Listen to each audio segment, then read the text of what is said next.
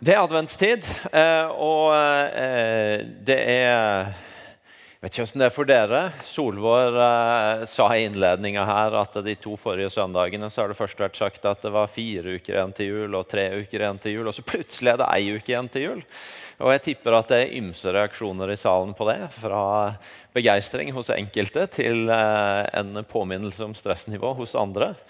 Det er ventetid, men for noen også eh, veksler mellom vente på jul og de gode opplevelsene inn mot jul, og kanskje litt sånn rushtid eh, med ting som skal på plass. Jeg debuterte for første gang i går eh, i en alder av 39 år. For første gang jeg prøvde å bygge pepperkakehus. Så jeg er sånn deilig blemme på fingeren her. Jeg skjønte at smelta sukker er ganske varmt. Men men jeg har fått allerede korreksjoner fra enkelte i salen om at det er veldig gammeldags å drive med smelta sukker. Det er visst andre ting man skal lime husa med nå. Så eh, tips mottas med takk.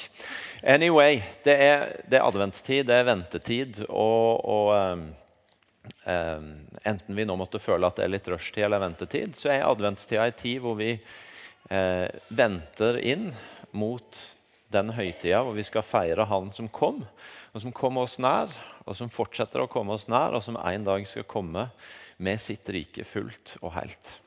Og så er Det ei tid nå, en sesong i året nå hvor vi på en særlig måte fokuserer på det inn mot jul.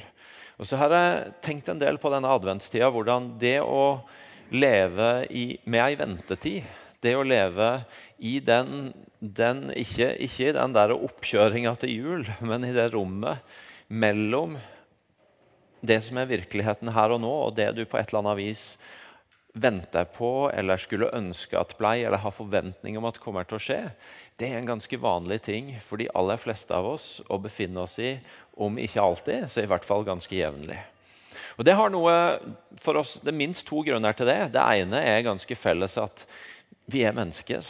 Og det er en del av livet for oss mennesker at vi innimellom og noen ganger oftere og noen ganger sjeldnere befinner oss i situasjoner og støter på ting som gjør at vi, vi havner i det der rommet hvor, hvor, det er en avstand mellom det som er hverdagen vår og livet vårt, og sånn som vi gjerne skulle sett at det var. Det kan være at vi støter på sykdom, smerte, sånne utfordringer som gjør at det, eh, det er noe som, som, som, tar mye av livet, og som gjør at det på mange måter er en ventetid til når, når blir jeg ferdig med dette? Når, når, går dette over? Eller det kan være at det er andre situasjoner i livet, av utfordring, av konflikt, av stress, for den del, som gjør at du kjenner at jeg er ikke der jeg skulle ønske jeg var. Og du lever i det mellomrommet mellom det som er, og det du gjerne skulle sett at livet var. Så det er på den ene sida sånn er det for alle oss mennesker. Og på den andre sida, for de av oss som tror på Jesus, følger Jesus, så er det også det andre perspektivet at vi tror på en som kom og sa at 'mitt rike er kommet nær'. Og som brakte et annerledes rike nær, med andre muligheter, med en annen realitet. Og som det riket det lærer han oss at det skal vi be om at må komme. Han lærer oss en bønn som sier 'komme ditt rike'. Og Vi ser i Bibelen hvordan det riket kommer nær og berører på mange forskjellige konkrete vis. Og så lever vi i det rommet mellom at Hans rike er kommet nær, og at vi vet, vi ber om at det skal komme enda mer, og at vi fortsatt venter på at det skal komme fullt og helt. Og så kan det være ting vi går og lengter etter i forbindelse med det. Det kan være noe vi har gått og bedt om lenge, og som vi, vi venter på at det gjennombruddet skal komme. Det kan være et profetisk ord som er gitt oss en gang, og som, og som vi fortsatt går og venter på. Når skal, når skal det bli? Når skal det skje? Det kan være noe vi har sett av Guds rike, og som vi lengter etter. at Tenk, tenk om det bare kunne bryte ut i menigheten vår, i familien vår, i landet vårt for den del. Og så lever vi i det ventetida mellom det som er, og det som vi vet at Guds rike på et eller annet punkt skal bringe. Og så er noe av spørsmålet kanskje hva, hva, hva gjør ventetida med oss? Hva gjør det mellomrommet der med oss? Bibelen snakker jeg på den ene sida ganske realistisk om det. Når det står i ordspråkene 13.12 at langvarig venting gjør hjertet sykt. Et oppfylt ønske er et livets tre. Langvarig venting gjør hjertet sykt. Med andre ord, Bibelen sier jo noe om at det å leve litt lenge i den ventetida. Det å være i det rommet der mellom. Enten det er ut av smerte eller ut av forventning om noe fra Guds rike. Det kan, det kan være tid gjøre noe med oss som ikke bare er godt. Det kan gjøre noe med hjertet vårt, det kan gjøre noe med innstillinga vår, med forventninga vår. Som Bibelen er realistisk på at her er det ei utfordring. Og På den andre sida leste jeg nylig i, eh, i Jakob 5, hvor der kommer et annet perspektiv inn. Om det med venting og med hjertet vårt. Fordi Der skriver Jakob om når, når Jesus skal komme en dag. Og så eh, igjen for godt. Og så står det i vers 8.: Også dere må være tålmodige og gjøre hjertene sterke, for Herren kommer snart. Dere må være tålmodige og gjøre hjertene sterke, for Herren kommer snart. Med andre ord så snakker også Bibelen noe om at det er en posisjon vi trenger å passe på å holde hjertet vårt i i ventetida for å på en måte leve godt imellom, imellom det som vi venter på, det som vi har forventninger om, det som vi tror skal komme, og det som er virkeligheten her og nå.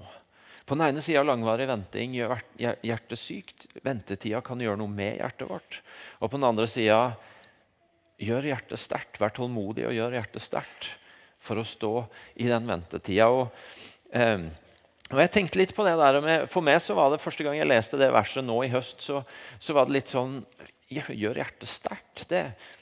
Hva, hva, hva, er det for noe? Og, og, og, det var jeg egentlig ikke helt vant til å høre. Jeg er vant til å høre om at vi skal ha myke hjerter, ydmyke hjerter.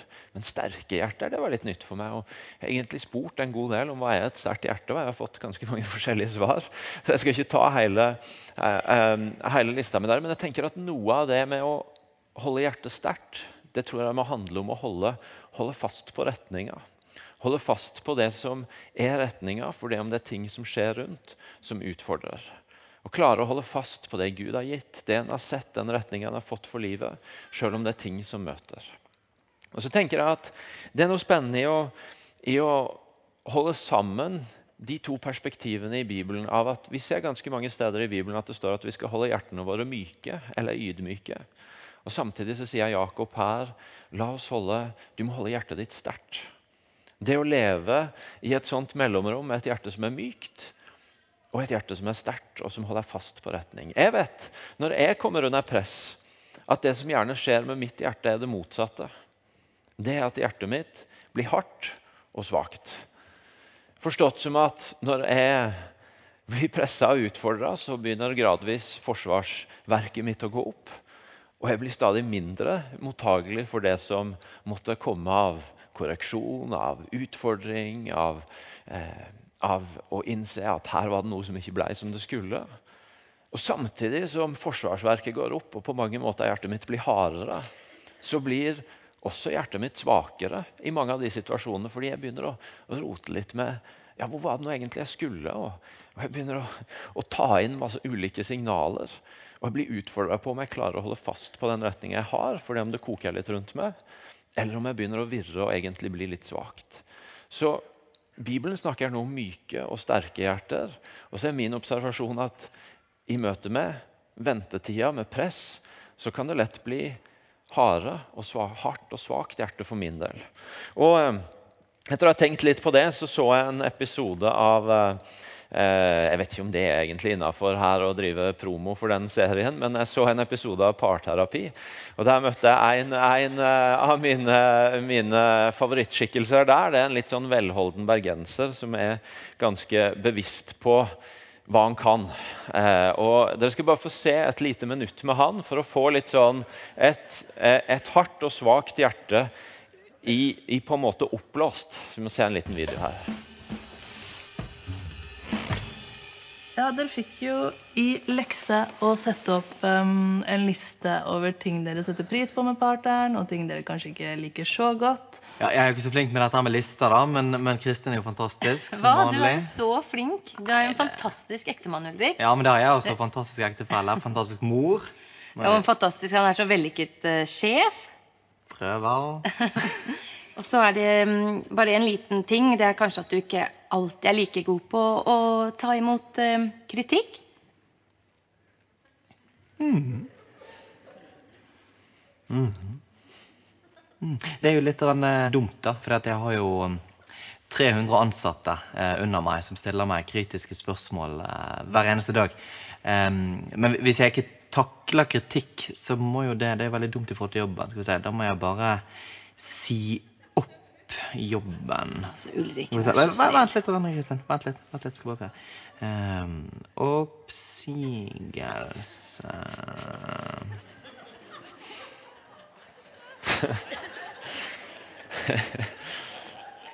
Jeg har begynt å få vanskeligheter med å ta folk seriøst når jeg hører de sier mm, mm.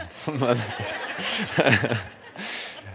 Jeg tenker det er karikaturen av et uh, hardt og svakt hjerte. Fullstendig uimottagelig for et kritisk innspill, og samtidig fullstendig føyelig på at nei, da må jeg jo bare skifte retning fullstendig hvis det kommer litt press mot meg. Eh, Det var karikaturen, men kanskje kan flere enn meg kjenne seg igjen i den motsatsen jeg eh, stiller opp, og, eh, og i at i ventinga, i presset, i forholdet mellom det som er, og det en skulle ønske, så kan det skje noe med hjertet vårt. Og vi kan bli utfordra på blir det hardt og lite mottagelig, og samtidig svakt og litt forvirra, utfordra på retning. Eller klarer vi å leve på et sted hvor det er mykt og justerbart, og samtidig sterkt og kan holde fast på den retninga Gud har sagt? Noe av det som er fantastisk med denne boka, er at det er ikke ei selvhjelpsbok. Og Det betyr at når sånne ting kommer imot oss, og når den gir oss sånne ord, som på den ene sida kan være gode å høre og samtidig utfordrende, så er aldri budskapet i Guds ord ja, men nå må du ta deg sammen og fikse opp hjertet ditt. Spørsmålet er jo hva er det Guds ord gir oss som kan hjelpe oss å ta hjertet vårt i den posisjonen? Fordi det er aldri sånn at Jesus gir oss en sånn utfordring, og så sier han nå må du få orden på hjertet ditt, eller få orden på det eller det. Men det er jo en invitasjon inn til ja, men hvordan kan det skje? Hvordan kan den han er, gjøre det i oss og med oss? Det er jo ikke sånn at jeg og du bare kan gå og ta sammen hjertet vårt.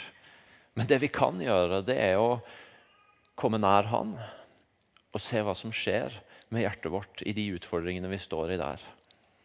Jeg hadde, Vi kan være litt åpne her. For noen helger tilbake så hadde jeg en lørdag hvor jeg var litt han bergenseren. Oppførte meg dårlig, men velformulert. og, eh, og, og da Ja, dere kan se for dere det? Ja, kjenner jeg lo så godt. Og når kvelden kom og Hilgun var gått ut på et eller annet, så satte jeg meg ned og hadde ingen intensjoner om verken å myke opp hjertet eller noe som helst, men jeg skulle lese den, de tekstene jeg skulle lese den dagen ifølge bibelleseplanen min. Og de handla ingenting om hjertet, de handla ingenting om tilgivelse eller omvendelse. Men det var ikke så himla lenge jeg kunne sitte og lese og være i Guds ord og søke Gud uten at det på et vis ble et valg. Enten så legger du det fra deg, eller så bare leser du det for å få lest det gjennom. Eller så legger du det fra deg og ber om unnskyldning og leser videre. Fordi at noe skjer når vi kommer nær Jesus, som handler om at hjertet vårt begynner å myknes. Jeg skal ikke si at det alltid er sånn at bare du, bare du får to minutter i Guds ord, så er alt på plass. Men, men jeg tror det er en ganske åpenbar dynamikk at når vi kommer nær Han, når vi kommer inn i Hans nærvær, så begynner hjertet vårt å mykes opp. Og, og, og, var, og, vi stilles på et valg om vi, vil, om vi vil la hjertet vårt mykes opp, eller om vi vil begynne å trekke oss litt tilbake igjen. Og På den andre side så er min erfaring så mange ganger at det å komme nær Han, det er det som hjelper meg til å holde hjertet sterkt. Når jeg er usikker på hva er mine tanker, og hva er Guds retning, og hva er alle de andre innspillene i dette her, hva er, hva er gode forslag som du får et lass av i løpet av ei uke, og hva er de viktige tinga som dette er Gud, og dette må holde fast på. Og Da er det alltid sånn at det er i, hans, i nærheten av han, i hans nærvær, om du vil, at veldig ofte at, den, at det skillet foregår. Og At hjertet ikke bare mykes opp, men at det også blir sterkere for å holde fast på dette er retninga. Og Så er det adventstid nå, og da har vi fokus på Han som kom, og som fortsetter å komme. Og, og I Bibelen så er det noen nydelige profetier om Han. Det er noen nydelige profetier om hvem Han som kom, og som kommer og en dag skal komme, er. Jesaja 9 har en av de. Der står det i vers 6.: For et barn er oss født, en sønn er oss gitt. Herreveldet er lagt på hans skulder. Han har fått navnet Underfull rådgiver, veldig Gud, evig far, fredsfyrste.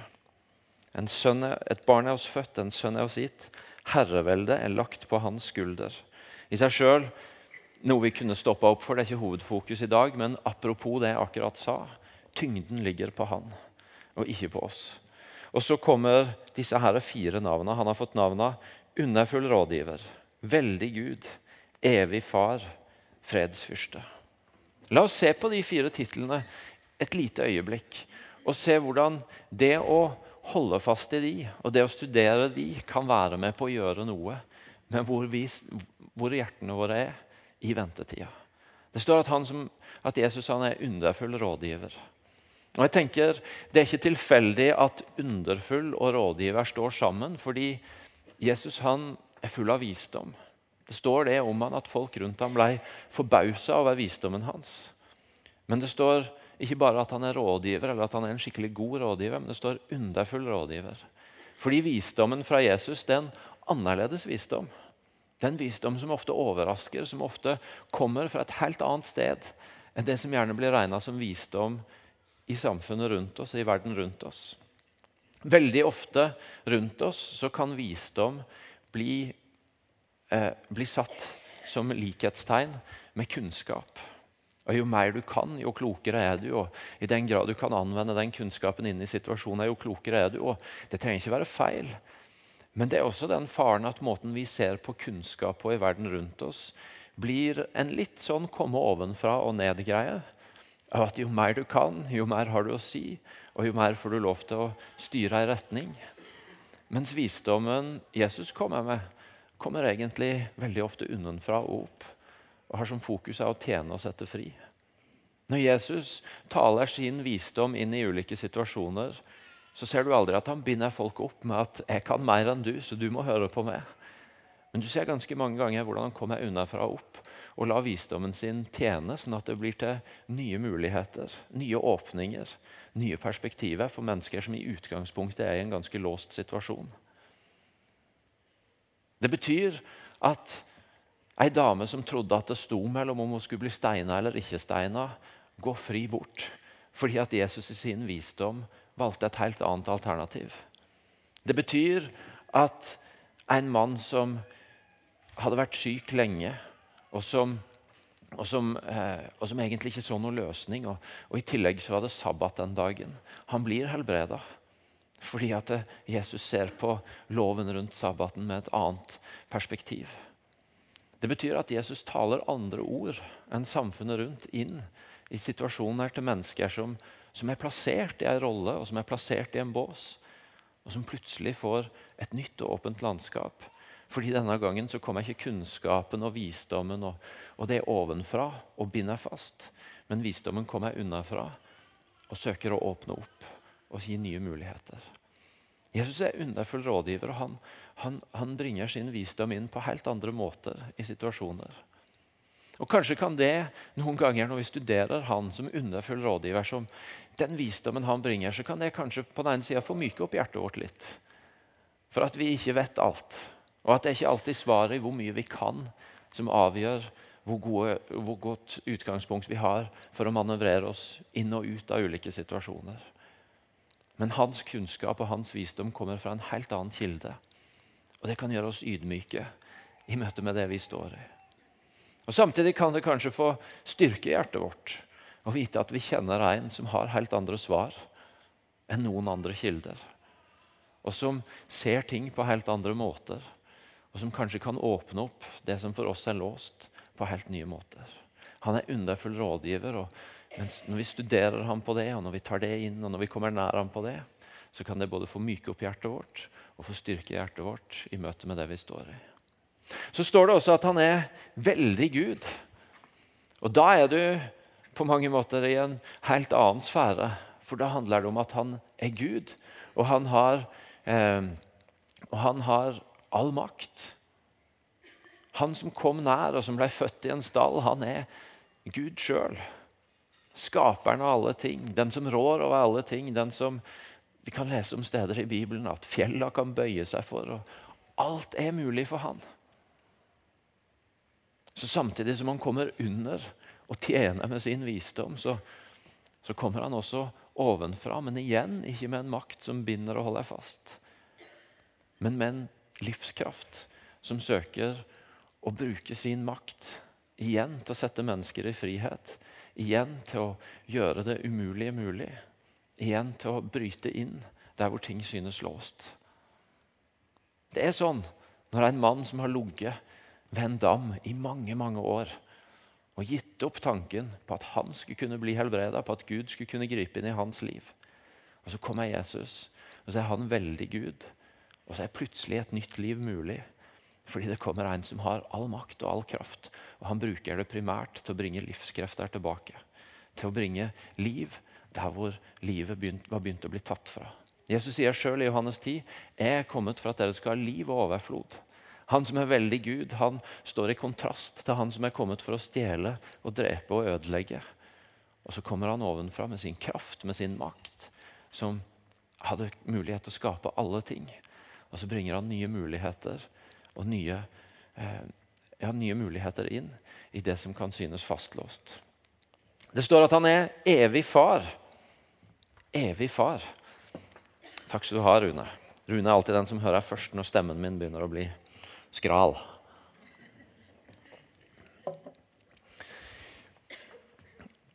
Det står at han er evig far. Og Hva er bildet på en far i Bibelen? Jo, Det er jo først og fremst bildet av Guds farskjærlighet.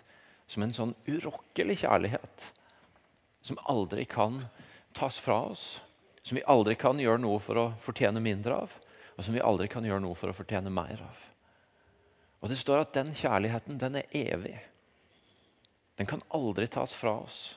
Og Vi har bildet av faren til den bortkomne sønnen som, som står der med åpne armer. Og, og vi, kan, vi, kan, kikke på, på Jesus med de åpne armene, med en evig kjærlighet. Og vi kan vite at ingenting av det vi nå står i, kan rokke ved at han elsker oss.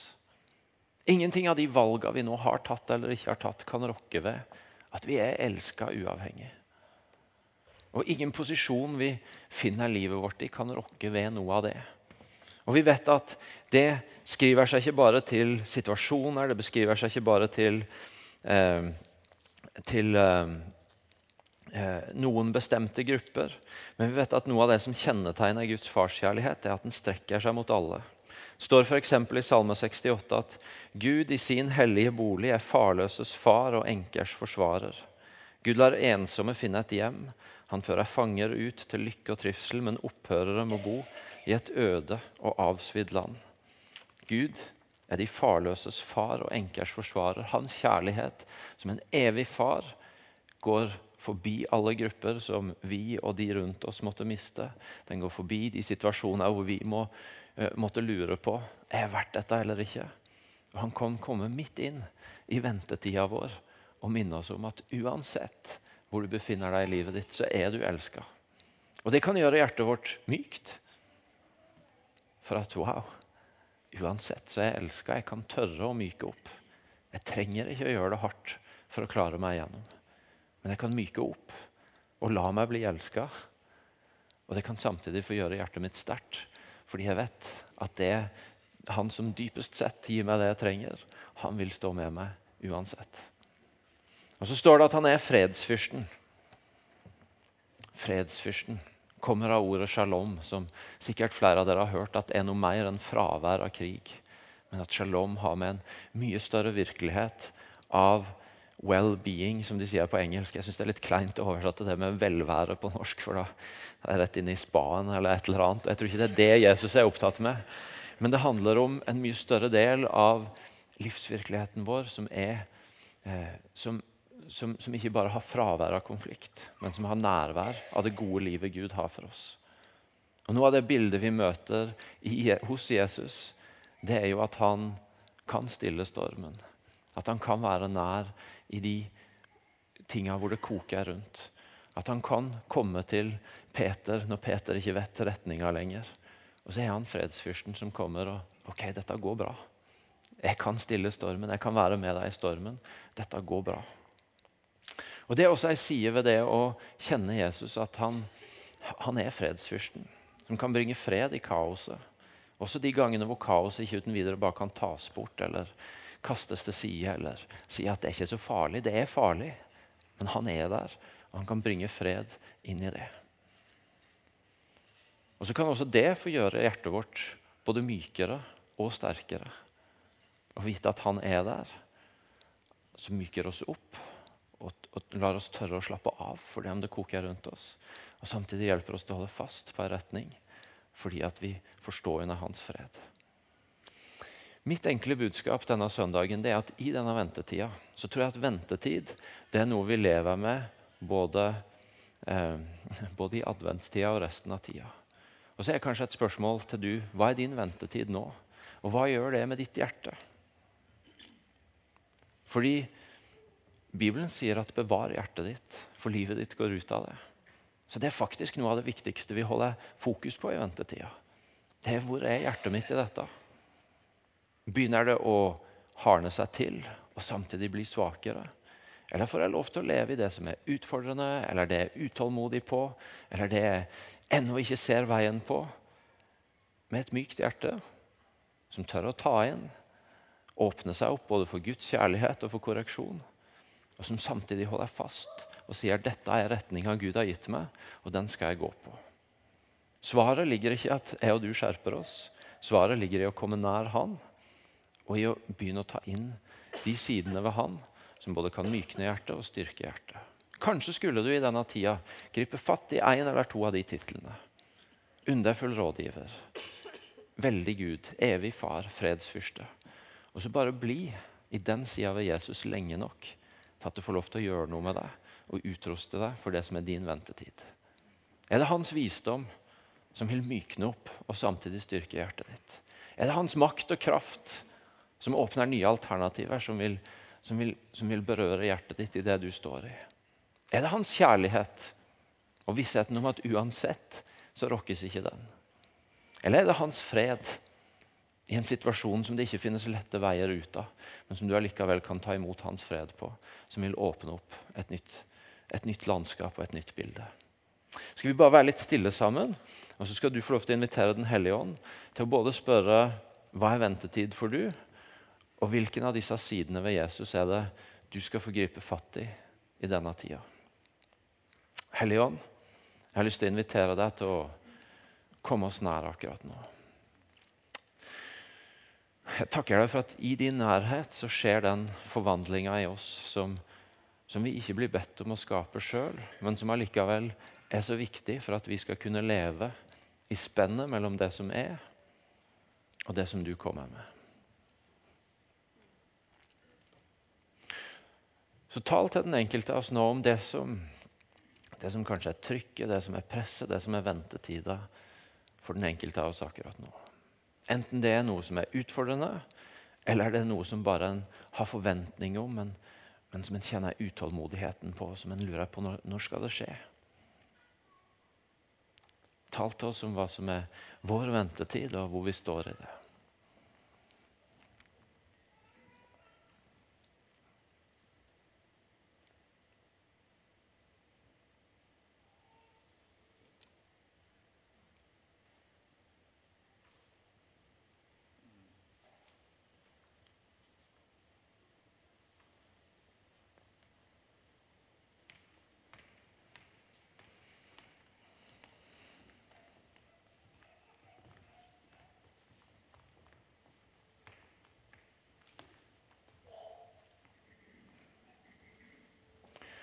Så ber jeg deg, Hellige Ånd, om at ettersom du gjør oss oppmerksom på hvor ventetida for oss er At du bare maler Jesus foran oss for et øyeblikk nå og hjelper oss til å se hvilke sider av han vi skal få gripe fatt i akkurat i denne tida.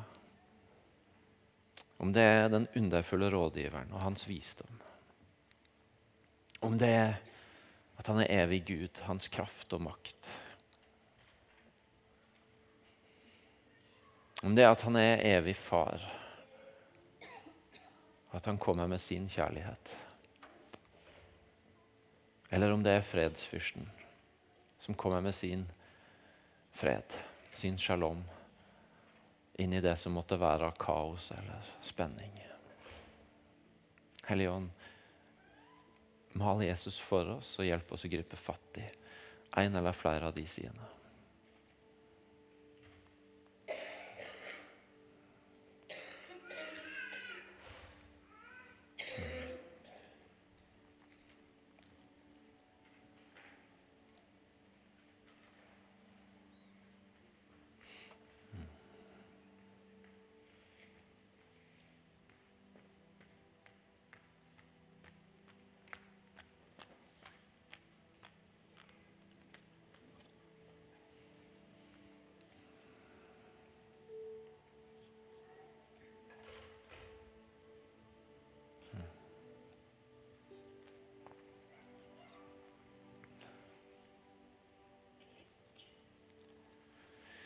Jesus, takk for din visdom som alltid kommer unnenfra for å tjene oss og for å finne frihet. Jeg ber deg om at fordi dette rommet som, som akkurat nå trenger din visdom, så kom de nær og minn de på noe av det du sa eller gjorde, som representerer en nøkkel.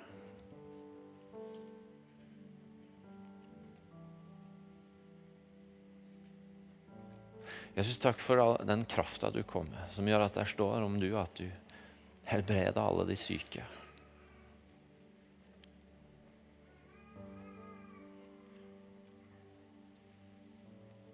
Jeg ber deg for de her inne som trenger at du berører med din kraft og gjør det umulige mulig. At dette skal være en dag både for å få ny tro på at det er mulig, at dette skal være ei uke og ei tid for å se gjennombrudd. For å se at din kraft kommer med et gjennombrudd inn i det som en kanskje har mista troa på, mista forventninger om. Slutta å tørre å be om. At dette var en dag for ny forventning, for ny tro, for nye bønner. Og dette var ei tid for et nytt gjennombrudd.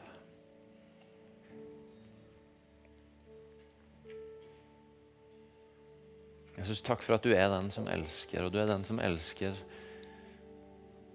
helt betingelsesløst, og som fortsetter å elske der alle annen kjærlighet stopper.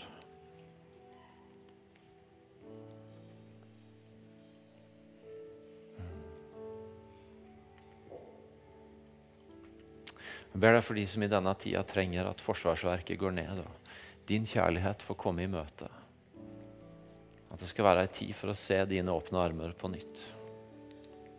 Minn de på noen av historiene der hvor du går videre der andre stopper eller vil sette grenser. Berør, skap møtepunkter mellom du og din kjærlighet og deres liv.